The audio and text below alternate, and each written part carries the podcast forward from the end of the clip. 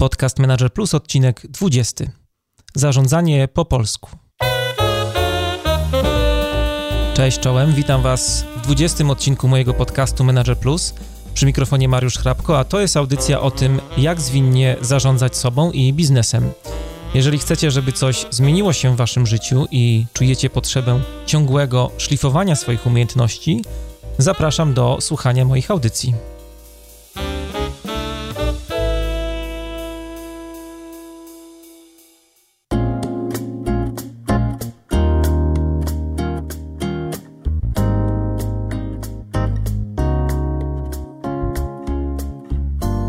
Dzisiejszej audycji będziemy rozmawiali o zarządzaniu po polsku.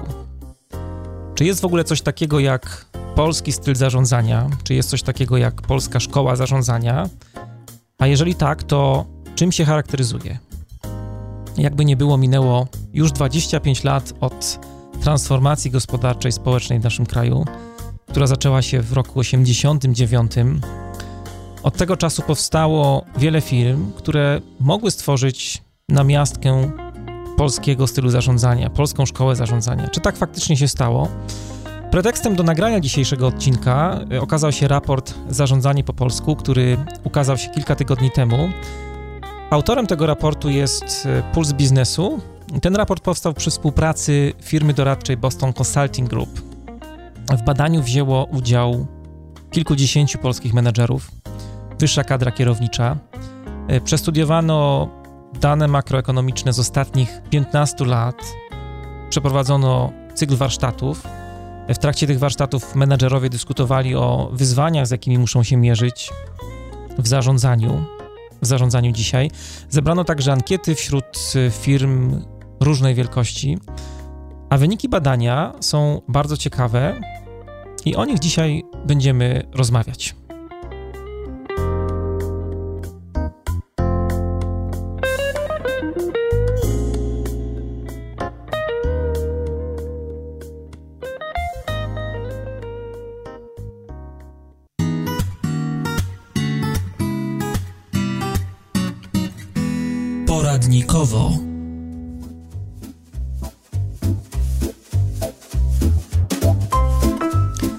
Zanim cokolwiek powiem w poradnikowie, chciałem Wam przede wszystkim bardzo podziękować za to, że słuchacie moich audycji, że jest Was coraz więcej. Pierwszy podcast opublikowałem w marcu bieżącego roku, a więc dobrych kilka miesięcy temu. E, Manager Plus ma w tym momencie aż 22 076 pobrań. Nigdy nie spodziewałbym się takiego wyniku. Bardzo, bardzo ogromniaste dzięki.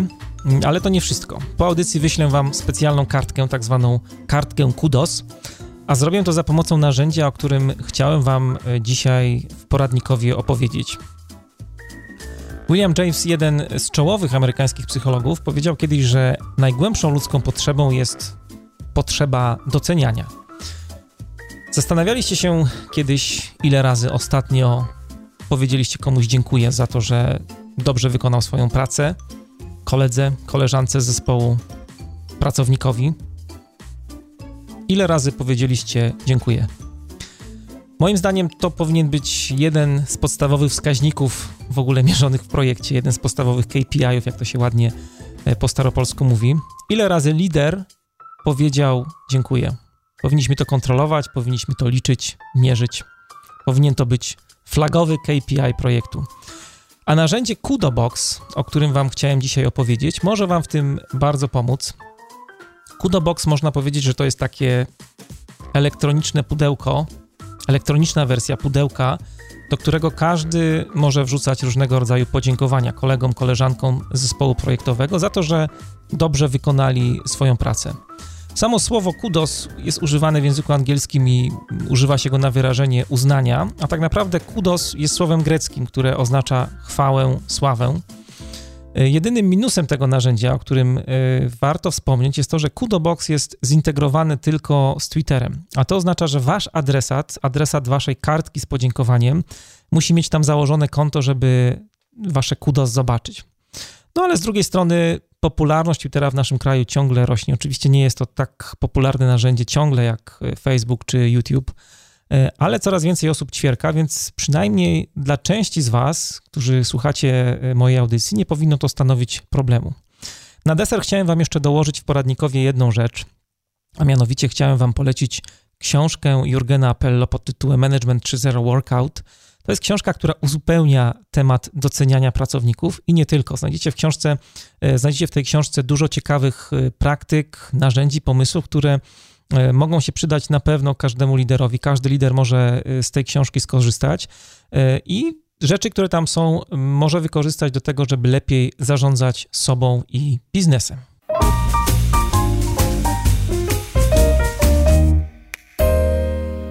Rozmowa. To jest podcast Manager Plus, a tematem dzisiejszej audycji będzie zarządzanie po polsku. Pretekstem do y, tematu naszego programu był raport, który pojawił się niedawno, Zarządzanie po polsku, który powstał w ramach projektu Pulsu Biznesu, projektu, który był zrealizowany we współpracy z międzynarodową firmą doradztwa strategicznego The Boston Consulting Group. A dzisiaj do programu zaprosiłem panią Dagmarę Nikel, y, panią, która jest prezesem Parku Technologicznego Unique i firma ta była jednym z partnerów biznesowych tej inicjatywy. Dzień dobry. Dzień dobry, witam. E, pani Dagmaro, może y, zaczniemy na początku od tego, jak w ogóle Państwo się znaleźli w tym badaniu, w tym raporcie, czym się zajmuje też firma Unique, bo myślę, że jest tutaj parę ciekawych rzeczy do powiedzenia. Więc powiedziałabym tak, y, zarządzanie po ludzku jest nam po prostu bliskie. Ja od ponad 17 lat y, związana jestem z biznesem. I e, najpierw pracowałam w bardzo trudnej branży, jaką jest branża budowlana i deweloperska. Od blisko siedmiu lat związana jestem bardziej z branżami innowacyjnymi. E, przez moje ręce, przez moje doświadczenie przeszło e, wiele organizacji i po tych 17 latach, a nawet wcześniej, zaczęło się budzić we mnie takie myślenie, że po prostu coś jest nie tak na tym świecie, że my tak bardzo pędzimy za wynikami finansowymi, za Excelami, tak bardzo dużo energii i uwagi koncentrujemy na, e, na efekcie materialnym, pomijając, pomijając w biznesie człowieka. A przecież na koniec końców biznes to nic innego jak relacja, jak pewnego rodzaju wymiana pracy, doświadczeń, wiedzy, pieniędzy i różnych wartości między ludźmi.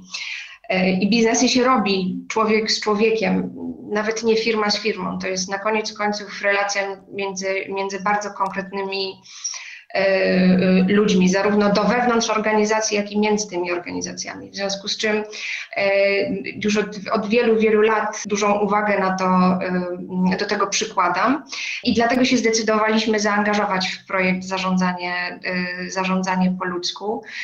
Człowiek jest w centrum naszej uwagi też jeśli chodzi o całą działalność Unika zarówno jeśli chodzi o proces rozwoju biznesów innowacyjnych, rozwój produktów i usług, to w jaki sposób budujemy relacje z, ze startupowcami, z nowymi biznesami. Dużą, dużą uwagę przykładamy do człowieka i dlatego blisko nam było do tego projektu i dlatego się w niego zaangażowaliśmy.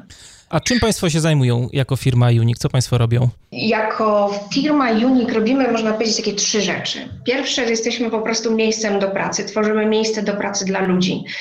Sprzedajemy w związku z tym biurka, sprzedajemy pokoje, sprzedajemy czy wynajmujemy mniejsze i większe biura, y, sprzedajemy lub wynajmujemy laboratoria, magazyny, ale są to wszystko miejsca dla ludzi i staramy się, żeby ten człowiek w tym, w tym miejscu dobrze się czuł i miał na podorędziu wiele, wiele fajnych rzeczy, które tą pracę mu ułatwiają. E, oprócz tego, i to jest nasze tak zwane place to work, drugą nogą naszej działalności to jest działalność inwestycyjna. Mm, takie miejsce, w którym spotykają się e, inwestorzy, w tym również my jako inwestorzy, inwestorzy e, czy środki inwestycyjne pochodzące od inwestorów publicznych czy od mhm. agencji publicznych, od inwestorów prywatnych z pomysłodawcami. Staramy się tą przestrzeń w ten sposób zorganizować, żeby i ci inwestorzy, i my, i pomysłodawcy mm, mogli z powodzeniem rozwijać biznesy, no i się z tego cieszyć i cieszyć się również oczywiście z rezultatów finansowych. Czyli współpracują Państwo ze startupowcami po prostu, tak? I z inwestorami? Ze startupowcami, z inwestorami, z, tworzymy fundusz inwestycyjny, mm, inwestujemy w inne fundusze inwestycyjne e, i, i, i pomagamy, e, pomagamy rozwijać się biznesom we wczesnych fazach. I wreszcie trzecia nasza działalność to jest innowowanie, tak bym powiedziała. To jest My to nazywamy naszym place to innovate, czyli tym wszystkim, co jest potrzebne do tego, żeby innowacyjne usługi, innowacyjne produkty powstawały i się komercjalizowały. I to jest takie miejsce, w którym robimy różne rzeczy generalnie zmierzające do tego, żeby e, zidentyfikować, znaleźć takie unikalne potrzeby i problemy, które gdzie indziej nie zostały zaadresowane, których człowiek potrzebuje albo których rozwiązania człowiek potrzebuje i gotów jest za to zapłacić, e, zapłacić pieniądze. My te potrzeby identyfikujemy, My staramy się odzwierciedlić w produktach i w usługach to, jak te potrzeby adresujemy, testujemy je na ludziach, czy z ludźmi, z użytkownikami i modelujemy strategię wdrożenia tych produktów i usług e, na rynek. Także to są takie nasze trzy unikowe obszary obszary działalności. Mocno skoncentrowane na tym, na, na, na, człowieku. A jak popatrzymy sobie na raport Zarządzanie po polsku, który niedawno się ukazał, to jest to raport, który został napisany z perspektywy patrząc na biznes, na rozwój biznesu, na rozwój przedsiębiorstw z perspektywy 25 lat od transformacji ustrojowej w naszym kraju. Jak y, Pani zdaniem zmieniły się firmy? Jak, jak to wyglądało kiedyś, a jak to wygląda dzisiaj? Co, co możemy powiedzieć na temat tych zmian, które zaszły w polskich przedsiębiorstwach na przestrzeni tych 25 lat? Patrząc na firmy takie, które powstały w latach 90. Y, i y, do dziś urosły już do pokaźnych przedsiębiorstw, Oczywiście nie chcę, nie, chcę w jakiś taki zbyt okrutny sposób generalizować, bo oczywiście mogę skrzywdzić e, wyjątki, ale mhm. w moim odczuciu jednak cały czas wśród, tej, wśród tego grona firm e, przeważają dosyć spore już w tej chwili organizacje o takim korporacyjnym charakterze, z mocnym akcentem na posłuszeństwo, dyscyplinę, porządek, trzymanie się reguł, Mm, dupochroniarstwo często, mhm. brak odwagi w myśleniu, przechodząc teraz już do takich bardziej negatywnych, negatywnych cech, małą, małą zdolność do innowacji, raczej takim, taką, taką kulturę organizacji nacechowaną brakiem dobrej komunikacji, brakiem zdolności rozmawiania, y, rozmawiania o błędach, w ogóle brakiem przyzwolenia na popełnianie błędów. I, w, mm, i, I, te organizacje, one zresztą to jest zrozumiałe, dlaczego one, dlaczego one takie są w latach 90., generalnie rzecz ujmując, biorąc pod uwagę to, jak wszystkiego brakowało na rynku. Sama zdolność do e, załatwienia sprawy albo do, do wytworzenia produktu była wystarczającym czynnikiem do tego, żeby po prostu zarabiać pieniądze i wygrywać. E, w związku z czym e, te organizacje, one po prostu przez lata stymulowane były tylko, tylko i wyłącznie przez po prostu zdolność operacyjną do wytworzenia danego produktu. I to, jest, to są takie organizacje o mocno takim, bym powiedziała, produkcyjnym, um, produkcyjnym charakterze które po prostu posiadają zdolność do, do, do wytworzenia czegoś. E, I w takich organizacjach te cechy, o których mówiłam, właśnie posłuszeństwo, dyscyplina, niekomplikowanie rzeczy, nie, nie, nie szukanie e, dziury w całym jest jak najbardziej e, pożądane. No problem tylko polega w tym, że w dzisiejszej gospodarce, kiedy potrzebujemy budować po prostu po ludzku przewag konkurencyjnych, te organizacje zaczynają coraz mniej zarabiać i coraz mniej wygrywać. I wydaje mi się, że od, y, od co najmniej kilku lat coraz więcej mamy na rynku firm zachowujących się inaczej, prowadzonych przez menadżerów lub właścicieli, którzy, e, których nie kręci, nie kręcą takie organizacje, którzy chcą pracować e, z fajnymi ludźmi, z ciekawymi ludźmi, którzy cieszą się z tego, że mogą z sekretarką załatwić fajną sprawę i że ta sekretarka może w twórczy sposób podejść do rozwiązania problemów z jej podwórka. I w takich firm mamy coraz więcej, chociaż wydaje mi się, że one jeszcze w dalszym ciągu nie, nie kreują naszego obrazu gospodarczego. Ta charakterystyka tych tak. przedsiębiorstw, y, które zaczynały w latach 90., o których pani mówiła, e, mimo wszystko taka dość pejoratywna. Jest tam jedna taka rzecz, która y, zwróciła moją uwagę akurat przy czytaniu tego raportu, która wiąże się z tym, że te przedsiębiorstwa, czy, czy całkiem sporo polskich przedsiębiorstw wciąż jest takim graczem bardzo asekuratywnym na rynku. Jest jeden z takich wniosków tego raportu, który mówi o tym, że całkiem takim dużym, poważnym wyzwaniem dla, dla wielu polskich przedsiębiorstw jest to, że e, nie dokonują ekspansji na rynki międzynarodowe. To jest takie zachowanie mało odważne i to jest taki, jak mówi raport, najbardziej niewykorzystany obszar potencjału rozwojowego współczesnych e, firm. Jak pani myśli, skąd, skąd to się bierze? No to jest bardzo proste. E, żeby wyjść na rynek zagraniczny, to trzeba de facto sformułować E, swoją ofertę i to w taki sposób, żeby móc powiedzieć, że jest się lepszym, albo że się ma coś ciekawszego, albo lepszego, albo bardziej korzystnego do zaoferowania niż lokalni, albo wręcz globalni gracze. E, I teraz, żeby sformułować taką ofertę, to trzeba mieć dwie rzeczy. Po pierwsze, trzeba mieć odwagę, żeby ją sformułować. Po drugie, trzeba mieć ludzi w zespole, którzy są w stanie potem tą ofertę, gdyby tą ofertę dowieść, zrealizować. I po trzecie, no, trzeba być trochę niepokornym, nieposłusznym albo z pewną swadą, mieć tą odwagę, żeby tam wyjść i to po prostu po ludzku zakomunikować. Mhm. E, I wydaje mi się, że to na koniec końców jest związane, to, że my tego nie robimy, jest związane z tym, że to nie jest wrośnięte w nas. My, my, my jako e, e, twórcy biznesów powstałych w latach 90., Mm, no, powiedzmy sobie szczerze, no, to jest głównie pokolenie, które dorastało i wzrastało w latach komuny. No, to są ludzie, którzy po prostu tej zdolności nie mają, w nich się jątrzy wiele kompleksów, e, e, poczucie niższości. Wie pan, ja pamiętam, ja mam męża, który zawodowo grał w tenisa mhm. I, i przepraszam, że pozwolę sobie na no, taką dygresję do zupełnie innego obszaru, ale ja, ja, ja nie, nie zapomnę, jak on mi opowiadał tą historię i mówił tak, wiesz co Dagmara, ja grałem w Polsce, ale raz pojechałem na Wimbledon i grałem juniorski Wimbledon. A umówmy mhm. się, to były lata chyba 80. lub początek lat 90., jak on grał ten juniorski e, Wimbledon. I, I on mi opowiadał, jak miał po prostu ścięte białko i nie był w stanie grać po prostu ze stresu. Mhm. Ze stresu i z tego wyobrażenia o tym, jak to ten E, jak ten, e, jak ten jego przeciwnik pochodzący z, nie wiem, z Anglii, z Francji, z, no w każdym razie skąd inąd, ze świata zachodu, to jakie on miał to postrzeganie, że ten człowiek musi być lepszy i braku takiej wiary, braku wiary w swoje, e, w swoje umiejętności.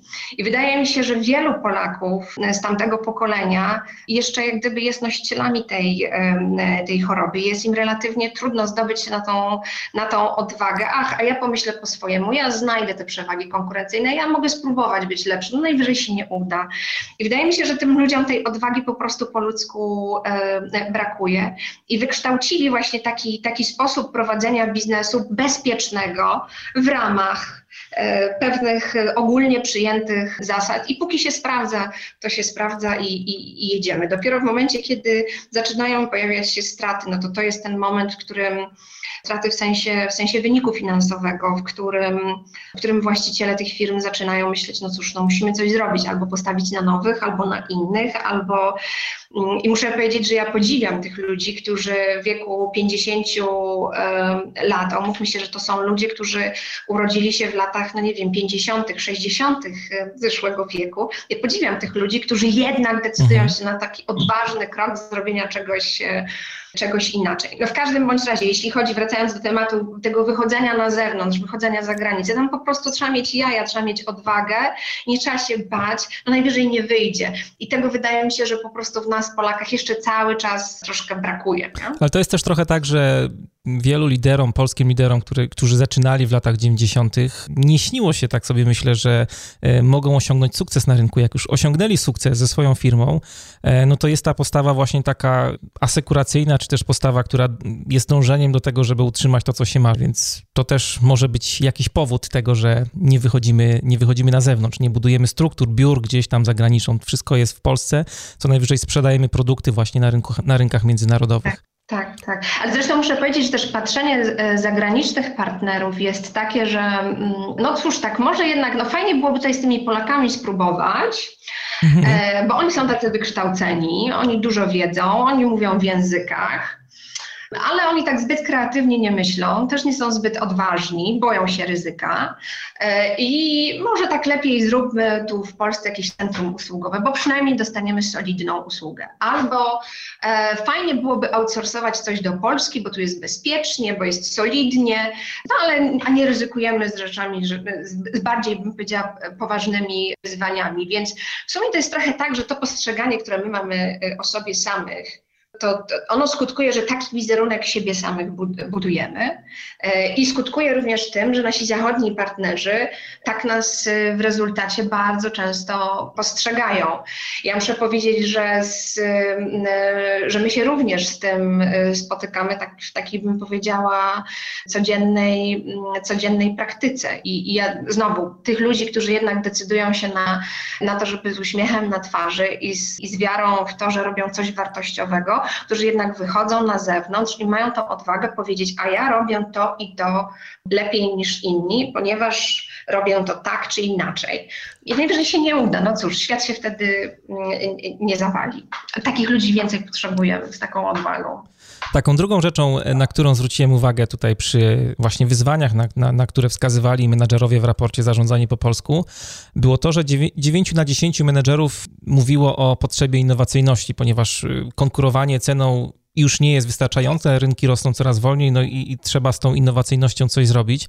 Natomiast y, no nie było to jakieś dla mnie duże zaskoczenie, głównie z tego względu, że też mam takie obserwacje, że współczesne zarządzanie, czy kierunki rozwoju współczesnego zarządzania e, idą w tę stronę, że jakby parcie na produktywność, na zwiększanie produktywności, co było domeną e, tego, tej tradycyjnej szkoły zarządzania, można powiedzieć, tego wcześniejszego paradygmatu, jeszcze który sięga czasów e, Taylora, już nie będziemy wchodzić tutaj w szczegóły.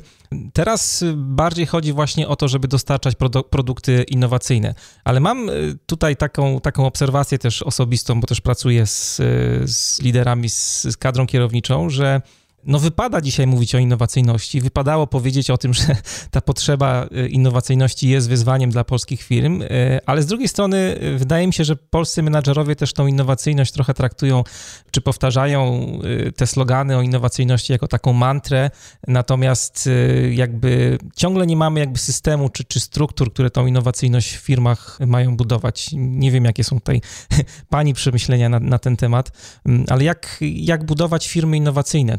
No i, i, ja muszę powiedzieć, że na co dzień się zmagam z robieniem um, innowacji. Idzie, no to, idzie nam to lepiej i gorzej, ale z, z, własnego podwórka to bym powiedziała tak.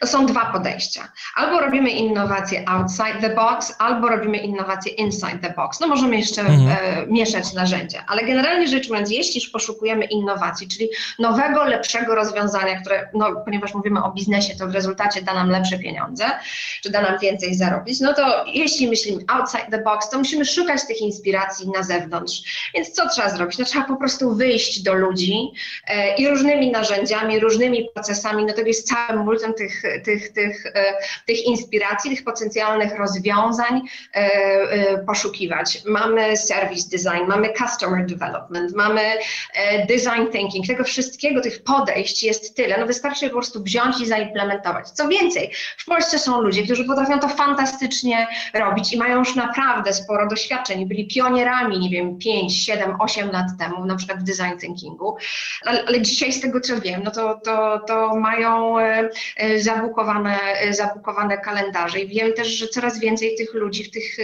w tych, z tymi narzędziami się zaznajamia, kształci. Mm, I to jest, to wystarczy tylko po prostu się zdecydować, że chcę coś zmienić, chcę poszukać tej nowej rzeczy i wystarczy po prostu w Google poszukać, nie wiem, specjalisty właśnie od design thinkingu czy od customer development, zaprosić go i, i, i, i spróbować coś małego chociażby na początek zrobić. Ale znowu, to się zaczyna od tego, że trzeba tą decyzję podjąć, że chcę coś nowego wprowadzić. No i potem mamy myślenie inside the box, e, czyli poszukiwanie rozwiązań w oparciu o, o, o wiedzę i kompetencje, wiedzę tą logiczną, tą racjonalną i też tą intuitywną, którą mamy we własnym własnej organizacji. I znowu mamy do tego też pełno narzędzi, które możemy wykorzystać, żeby tą wiedzę wydobyć, żeby się wspólnie zainspirować, żeby wygenerować, nie wiem, 200 pomysłów, z których 90% będzie od razu do wyrzucenia do kosza, ale na pewno nas w czymś zainspiruje. I są do tego, są do tego też fajne procesy, są specjaliści, ale wówczas, żeby to zrobić, potrzebujemy mieć odpowiedni klimat w organizacji i gotowość ludzi do tego, żeby te pomysły zrzucać, żeby się nimi dzielić. I znowu do tego potrzebujemy, w, potrzebujemy takich liderów, takich menadżerów, którzy będą mieli taki język komunikacji ze swoimi podwładnymi czy, e, e, czy też zwierzchnikami, żeby ich namówić do udziału w takim projekcie czy w takim, e, w takim przedsięwzięciu.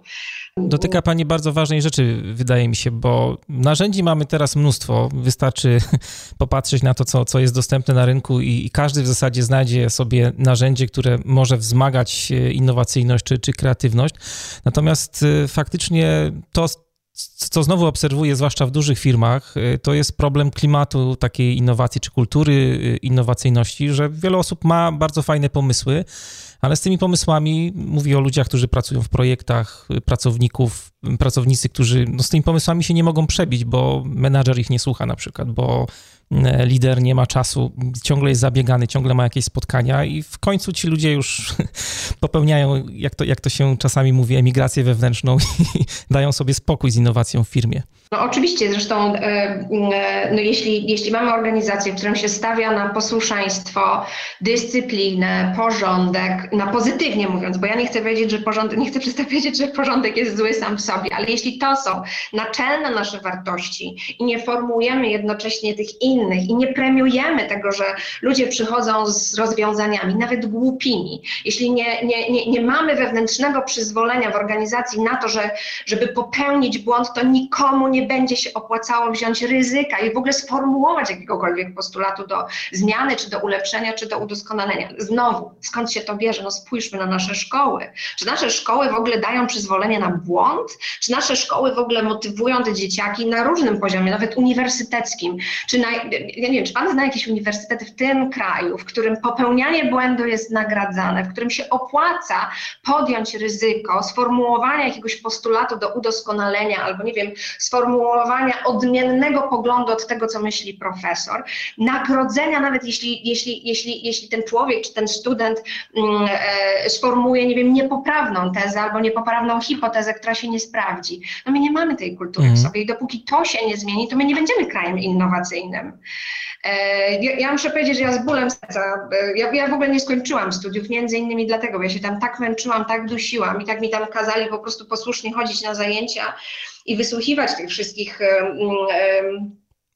tych wszystkich, no nie chcę powiedzieć farmazonów, bo to nie są farmazony, tam jest, tam jest całe multum fantastycznej wiedzy, tylko mnie po prostu ta kultura tej komunikacji, tej, tej, tej takiej naczelnej, nadrzędnej wartości, jaką jest posłuszeństwo i dyscyplina, mnie to po prostu okropnie męczyło i bardzo, bardzo bym e, życzyła, nie wiem, moim dzieciom i w ogóle ludziom, żeby nie musieli przez taką, taką edukację, przez taką edukację przechodzić. Co nie zmienia faktu, że oczywiście taki porządek i odpowiedzialność jest również bardzo ważną e, wartością. Ja nie chcę tego absolutnie deprecjonować, bo, bo, bo uporządkowane organizacje, uporządkowane życie ma, to, to, jest, to jest wartość, która potem pozwala pewne rzeczy realizować, ale my musimy w każdej jednej organizacji nie mieć przestrzeń na to, żeby podejmować ryzyka, na to, żeby premiować ludzi, którzy podejmują ryzyka, no i, i nie do końca są zawsze posłuszni. Nie?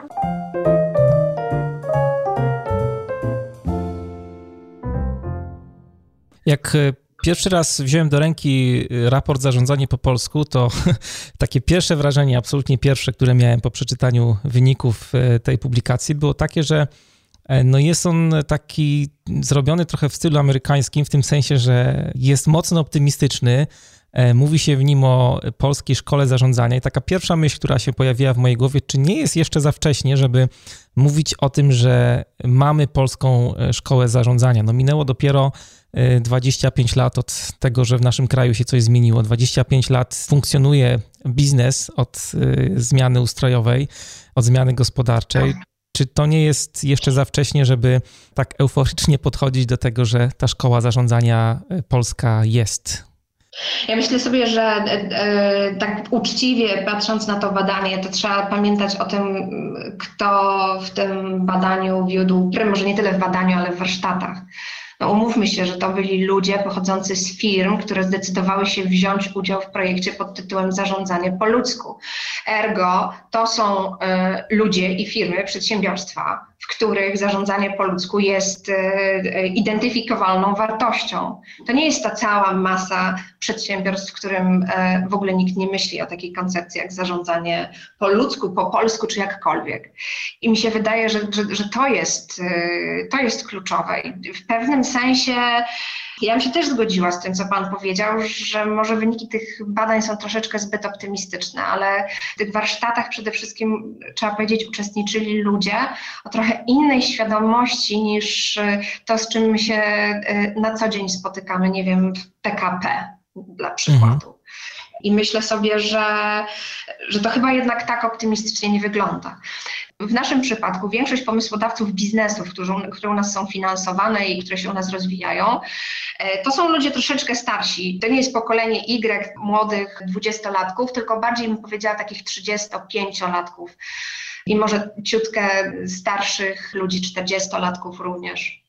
I, I to są jednak ludzie, którzy decydują się na to, żeby odejść z korporacji i oni odchodzą w większości przypadków z korporacji dokładnie z tego powodu, że układ korporacyjny, ten posłuszny, zdyscyplinowany, ich męczy i ich dusi.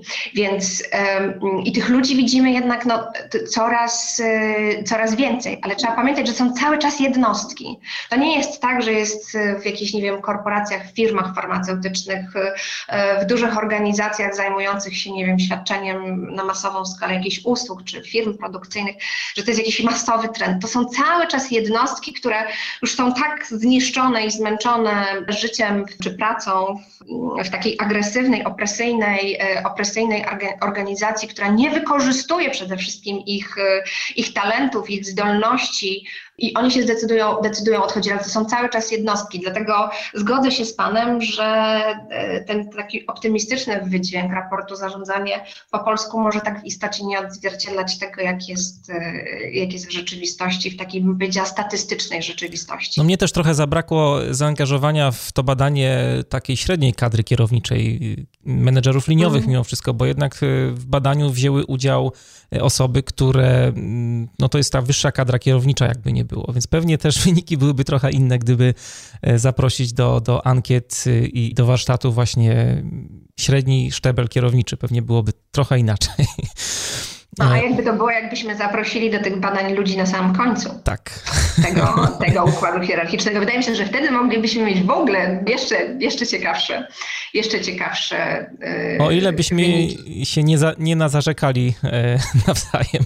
Nie ja myślę sobie, że, że no każdy menadżer na wysokim szczeblu, ja zresztą też chciałabym, żeby o mnie mówiono, e, że jestem, nie wiem, fajnym menadżerem, że fajnie się ze mną pracuje, że, że okej, okay, może jestem wymagająca, ale z drugiej strony super komunikatywna, każdy problem można załatwić, wszystko jest, nie wiem, twórcze, piękne i fajne i wszyscy, żeby byli radośni. No oczywiście ja też bym chciała tak, żeby ludzie o mnie myśleli, w związku z czym wydaje mi się, że jeśli ankietujemy faktycznie, tak jak Pan zauważył, menadżerów na wysokim szczeblu, to mamy tutaj no, takie wyniki, bym powiedziała, deklaratywne. Ale to i tak cieszy, bo jeśli już na górze pojawiają się, pojawia się taka świadomość, na górze tych dużych organizacji mhm. pojawia się świadomość, że, że, że i, i, i ci menadżerowie deklarują, że tak y, robią, albo tak postępują, albo takie organizacje budują, to nawet jeśli w istocie to się nie spełnia w 100%, mm, to to już no, no, należy się cieszyć, że ta świadomość rośnie na tym poziomie i to się na pewno przełoży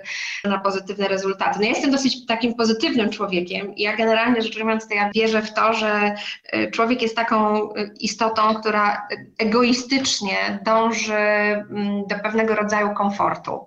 I y, my się komfortowo, jeśli powiedzmy sobie tak, że jeśli mamy już zabezpieczone te, te potrzeby z najniższych szczebli, takich jak bezpieczeństwo, edukacja, jedzenie, to zaczynamy, zaczynamy pragnąć komfortu w tych wyższych sferach i w tym sensie uważam, że, że Polska ma tak człowiek świetlistą przyszłość, bo jak żeśmy sobie odhaczyli i zaadresowali te najbardziej podstawowe potrzeby, to teraz ludzie po ludzku będą sięgać po to, żeby dać sobie czy zaadresować te potrzeby z cyklu właśnie twórczość, kreatywność, szacunek, zaufanie, e, bo wtedy się po prostu po ludzku dobrze czujemy. I myślę, że to myślę, że to popłynie po prostu. Profesor Janusz Chryniewicz z Uniwersytetu Warszawskiego mówi, że tutaj cytuję, polskie zarządzanie to system folwarczny, autokratyczny, akcentuje duży dystans pomiędzy zarządem a podwładnymi, e, jest nacechowany konserwatyzmem, niechęcią do innowacji, którą wprowadza się, gdy firmie grozi kryzys. Nie życzę nikomu na świecie, żeby miał wprowadzać polski styl zarządzania. Chciałem Panią zapytać, czy się identyfikuje Pani z tym, co, co Pan profesor tutaj e, powiedział? No, niestety tak. Mm. Ja myślę sobie, że. No to był jeden z mm, komentarzy też, który pojawił się e, tak. w raporcie. Tak, tak. My w ogóle w, w Polsce nawet nie mamy, wie pan, takiej dobrze rozwiniętej kultury, kultury rywalizacji, a biznes mimo wszystko troszeczkę rywalizacyjny jest. Polskie biznesy, zwłaszcza te, te duże, powstałe w, w latach 90., są autokratyczne. Sukces firmy e, nie jest identyfikowany jako sukces całej organizacji, nie jest nagradzany w taki sposób, żeby cała organizacja z tego czerpała realne korzyści. Jest często po prostu sukcesem właściciela. Tak budujemy jakby często wizerunek tych firm, że na takim piedestale stawiamy tych właścicieli, a nie do końca y, ich organizacje. I wydaje mi się, że no, ja, ja, ja zgodzić z profesorem Chryniewiczem, że bardzo dużo takich firm jest, ale znowu ja mam pozytywne nastawienie do świata i wyobrażam sobie to w ten sposób, że e, Polska, biorąc pod uwagę jej historyczne uwarunkowania, no po prostu musi przejść swoją ścieżkę i my, mieszkańcy tego kraju, też swoją ścieżkę rozwoju musimy przejść.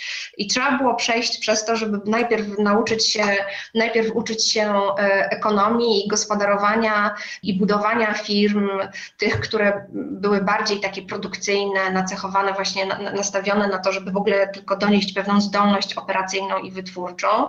E, I to przejście do tego, żeby, żeby budować organizacje kreatywne, świetnie się wewnątrz komunikujące, napędzające wzajemnie, to jest po prostu wyższa szkoła jazdy i do tego dojdziemy. Przynajmniej ja tak, mhm.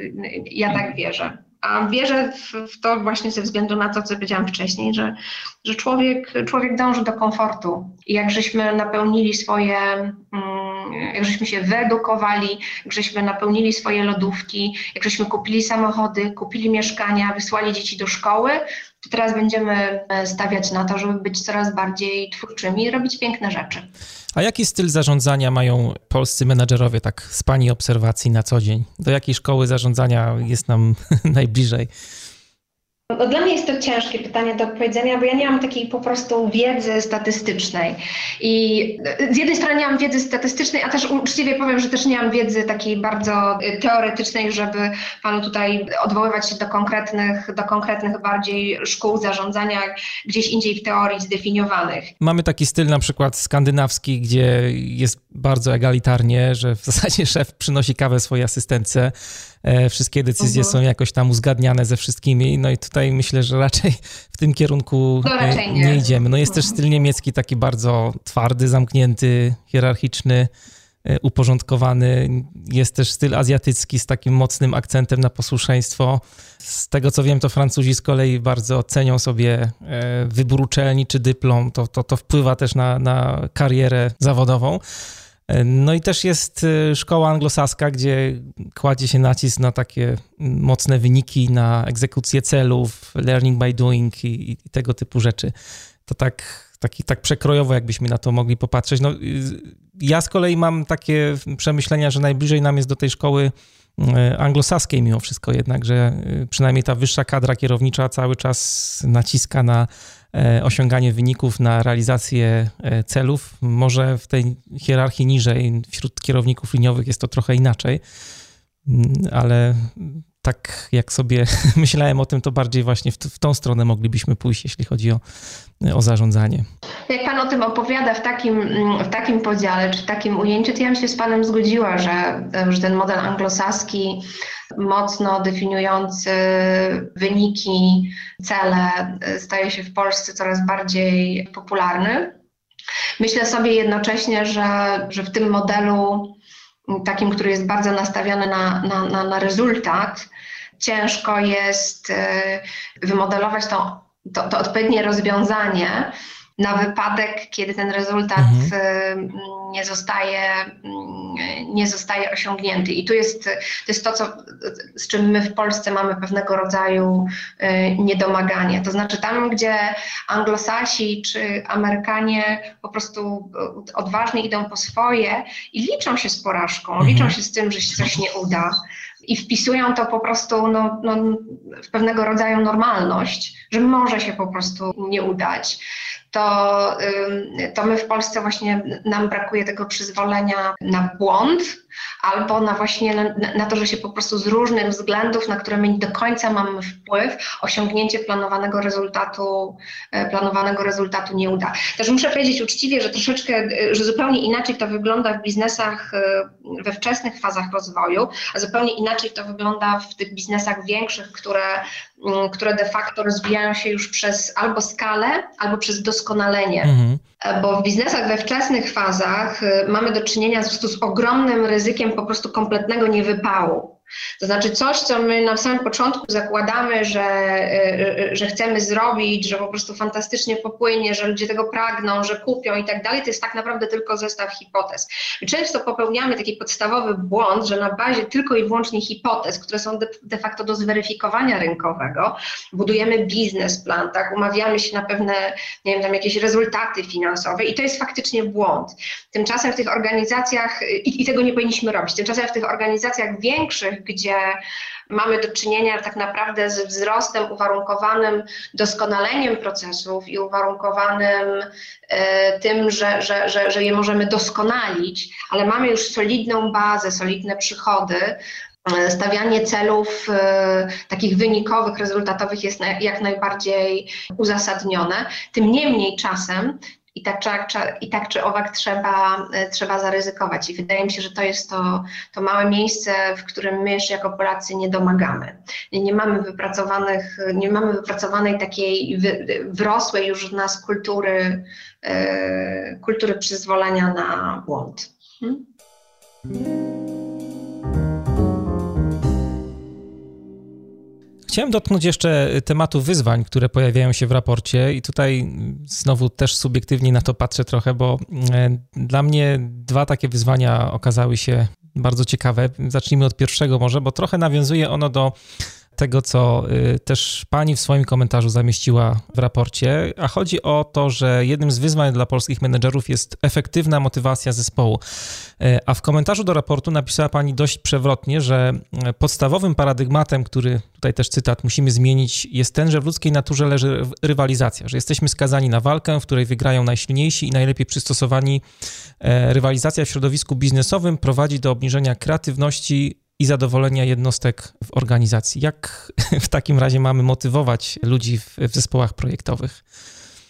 No, ja bym zaryzykowała, że nie wynikiem. Mhm. Chciałabym zaryzykować, powiedzieć, twórzmy takie organizacje, e, w których motywacją jest po prostu fan, jest zaufanie, jest radość z tego, że tworzymy rzeczy, które są ludziom potrzebne, które są w pewien sposób e, wyjątkowe i i wynik przychodzi sam. Wynik po prostu przychodzi sam. Mm, bo tak jest. Jeśli tworzymy biznesy, zresztą nie tylko biznesy, bo to tak samo jest ze sztuką, w ogóle z całą taką działalnością twórczą człowieka. Jeśli tworzymy i budujemy coś z poziomu, chciałabym powiedzieć trochę serca, mhm. i z poziomu y, po prostu dawania innym tego, co potrzebują, to ci inni nam to wynagradzają i wynagradzają nam po prostu tym, że głosują pieniądzem na to, co wytworzyliśmy. I to jest takie proste. E, I my nie musimy myśleć o tym, czy my będziemy od kogoś w związku z tym lepsi, bo to nie ma znaczenia.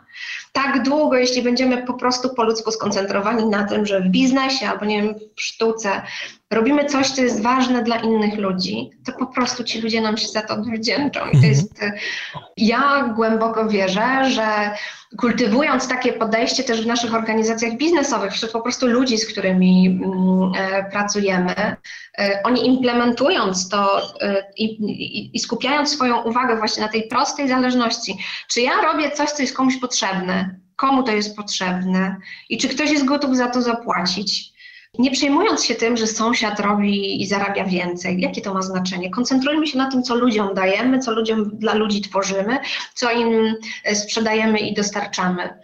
To już wystarczy. Oni wszyscy będą mieli, czy wszyscy w takich organizacjach będziemy mieć po prostu masę radości z tego, że robimy coś, co jest ważne e, dla innych i pieniądze po prostu same płyną. A jak się nie uda, bo akurat się okaże, że nie wiem, nam się wydawało, że robimy coś, co jest potrzebne ludziom, i ci ludzie na to pieniędzmi nie zagłosują i okaże się, że popełniliśmy błąd, to też nie należy z tego robić żadnego wielkiego halo, tylko znowu jeszcze raz się zastanowić, to co w związku z tym powinienem zrobić i czego tak naprawdę ci ludzie potrzebują. I nawet jeśli za pierwszym razem nam się nie uda, to uda się za drugim, za trzecim albo za czwartym i w końcu rozgryziemy ten kod.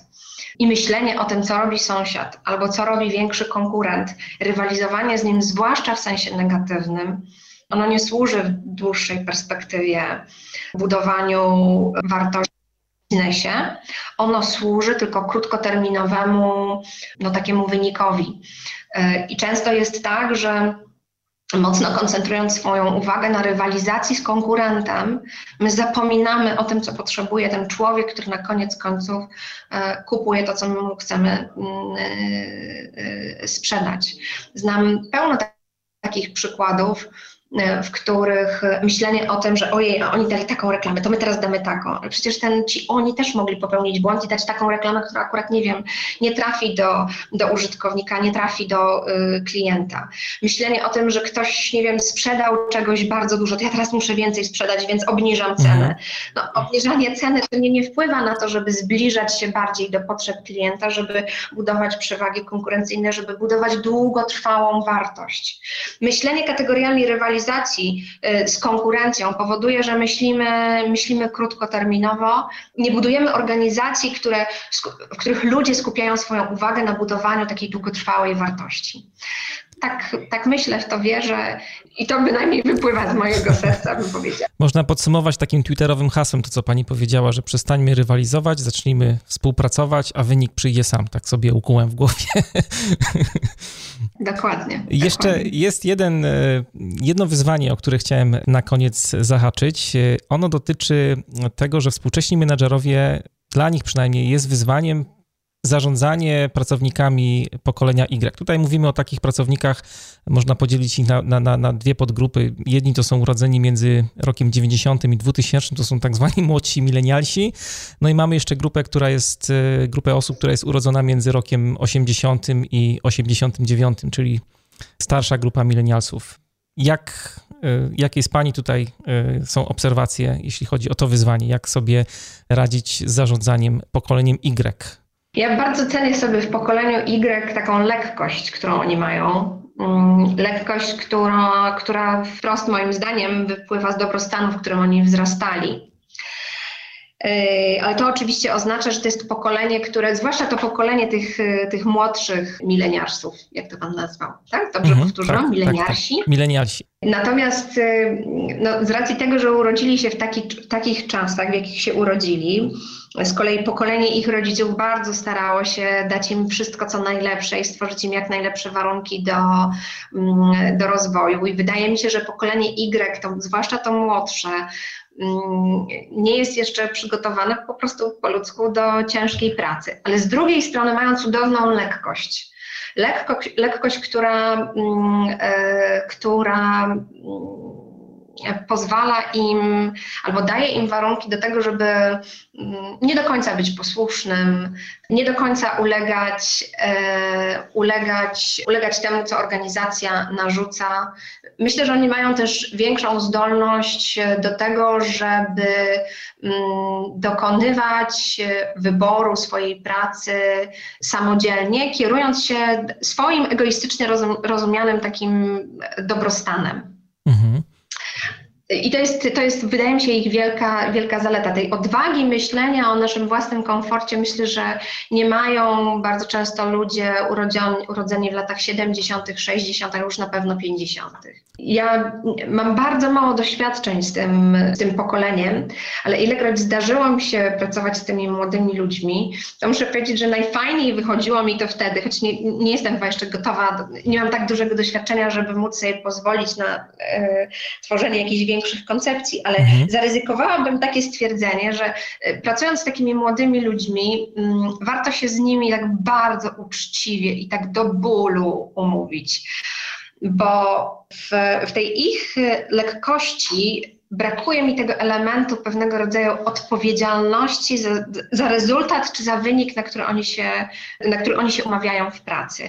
Ja ilekroć pracuję z takimi młodymi ludźmi, to bardzo mocno stawiam na to, żeby oni mieli pełną świadomość e, tego, co ja potrzebuję. Nawet nie tego, co ja od nich oczekuję, tego, tego co ja potrzebuję, co organizacja potrzebuje. Żeby tego nie, nie, nie, ja bardzo dużo czasu spędzam na tym, żeby była świadomość po drugiej stronie, słuchaj, ja od ciebie potrzebuję, żeby na pewnym odcinku, na przykład, nie wiem, no wyobraźmy sobie pracę pracę w, e, w, social media. To definiuję, staram się bardzo wnikliwie zdefiniować to, co jest, co jest potrzebne nam w danej organizacji e, w aspekcie mediów społecznościowych. Jaki rezultat chcę osiągnąć? I ja takiemu człowiekowi daję tą kompletną wolność i swobodę i akceptację, swobodę do podjęcia decyzji, czy on jest gotów podjąć to, to wyzwanie.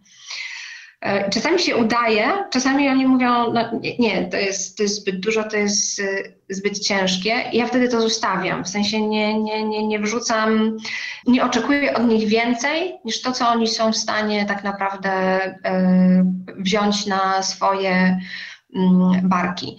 I wyobrażam sobie, że, że to już jest potem ich decyzja, czy chcą wieść życie bardziej skoncentrowane na tym, żeby było fajnie w tym czasie prywatnym, żeby ta praca nie była zbyt ciężka, czy też są gotowi trochę ciężej popracować, może kosztem swojego czasu prywatnego, ale wydaje mi się, że to jest pokolenie, które potrzebuje do tego po prostu po ludzku dojrzeć i powinniśmy się z tym pogodzić i nie walczyć z tym i dać im tą szansę na podejmowanie własnych, odpowiedzialnych decyzji i przejście swojego procesu dojrzewania. Myśmy też dojrzewali, my też mhm. dojrzewamy aspektach. Oni mają jak gdyby ten obszar do, do, do, do zaadresowania. A propos, doj, a propos dojrzewania, dojrzewa nam jeszcze właśnie pokolenie Z, czyli ludzie, którzy są urodzeni po 95 roku życia. To też pewnie będzie niebawem wyzwanie menedżerskie. No ciekawe jakie, ciekawe jakie. To jest podcast Manager Plus, a moim i waszym gościem była dzisiaj pani Dagmara Nikel, prezes Parku Technologicznego Unik. Pani Dagmaro, bardzo dziękuję za E, ciekawą rozmowę. Ja dziękuję uprzejmie za tą okazję. Mam nadzieję, że, że, że może będę miała jeszcze okazję kiedyś z Panem porozmawiać i spotkać się też z Państwem. Dziękuję uprzejmie, do widzenia. Pożegnamy się utworem Looking West e, dzisiaj włoskiego muzyka Fabio Zucchero, e, który brzmi jak Pat Metheny. Ja się z Wami żegnam. Nazywam się Mariusz Hrabko. Trzymajcie się i do następnego razu.